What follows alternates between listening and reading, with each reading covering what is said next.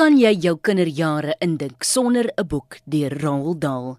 Die bekende skrywer gebore September die 13de 1916, oorlede vandag 1990. Dit is die 23ste November. Hy het eers in 1940 begin skryf aan boeke vir kinders en hy word later aan verwys na as die beste storieskrywer ter wêreld in die 20ste eeu en het al meer as 250 miljoen kopieë van sy boeke verkoop. I couldn't possibly work in the house, especially when there used to be a lot of children around, and even when there aren't children, there are vacuum cleaners and people bustling about. No, I always write in this little hut. I always have. It, it is absolutely quiet up here.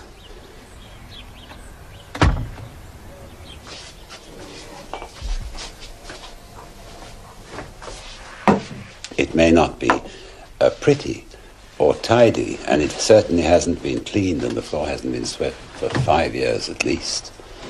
So it's full of everything. The only thing I, I, I did uh, remove about two years ago, uh, we had a goat that got in, and there was some goat droppings on the floor, and I thought, well, I better get a dustpan and sweep those up, and I did.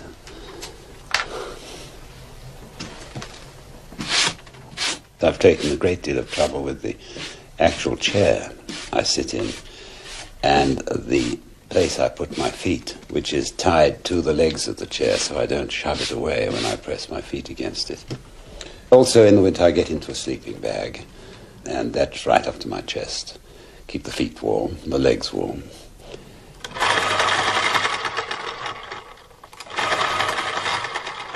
And I always use six pencils, and they always have to be sharpened before I start.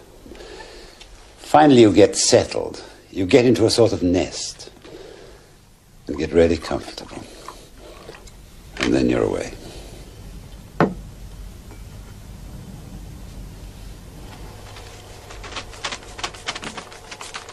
The pencil doesn't very often touch the paper. It's looking and musing and correcting, and then, then you do a little writing, and, and uh, in the end, you get something done. But your concentration is fairly intense. You, you, you're lost you're into this world of the story that you happen to be doing. It, it's terrifically demanding, you know.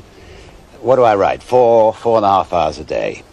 So a quarter of my waking hours, I am completely immersed in a dotty world of fantasy. And you come out, you know, in a kind of moony state. Dit is van Roald Dahl. Bekende boeke sluit in James and the Giant Peach, Charlie and the Chocolate Factory, Matilda, The Witches, Fantastic Mr. Fox, The BFG, The Twits en George's Marvelous Medicine. Van sy meer volwasse werke sluit in Tales of the Unexpected. Baie van hierdie boeke is wel vertaal in Afrikaans, maar mens wonder tog, wat sou Roald Dahl nog kon neerpen? Hier is 'n uittreksel uit een van sy boeke, The Magic Finger.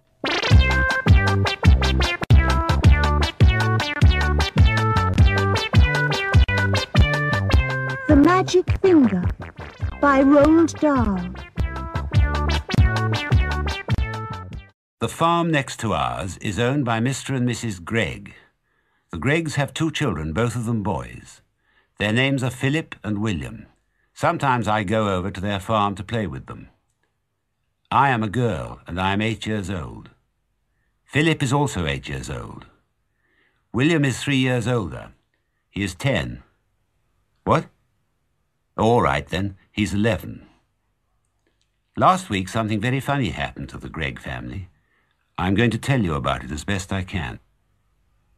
Now, the one thing that Mr. Gregg and his two boys loved to do more than anything else was to go hunting. Every Saturday morning, they would take their guns and go off into the woods to look for animals and birds to shoot. Even Philip, who was only eight years old, had a gun of his own. I can't stand hunting. I just can't stand it. It doesn't seem right to me that men and boys should kill animals just for the fun they get out of it. So I used to try to stop Philip and William from doing it. Every time I went over to their farm, I would do my best to talk them out of it, but they only laughed at me. I even said something about it once to Mr. Gregg, but he just walked on past me as if I weren't there. Then one Saturday morning, I saw Philip and William coming out of the woods with their father. They were carrying a lovely young deer. This made me so cross that I started shouting at them. The boys laughed and made faces at me, and Mr. Gregg told me to go home and mind my own P's and Q's.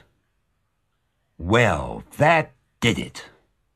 I saw red, and before I was able to stop myself, I did something I never meant to do. I put the magic finger on them all. Oh dear, oh dear, I even put it on Mrs. Gregg, who wasn't there. I put it on the whole Gregg family.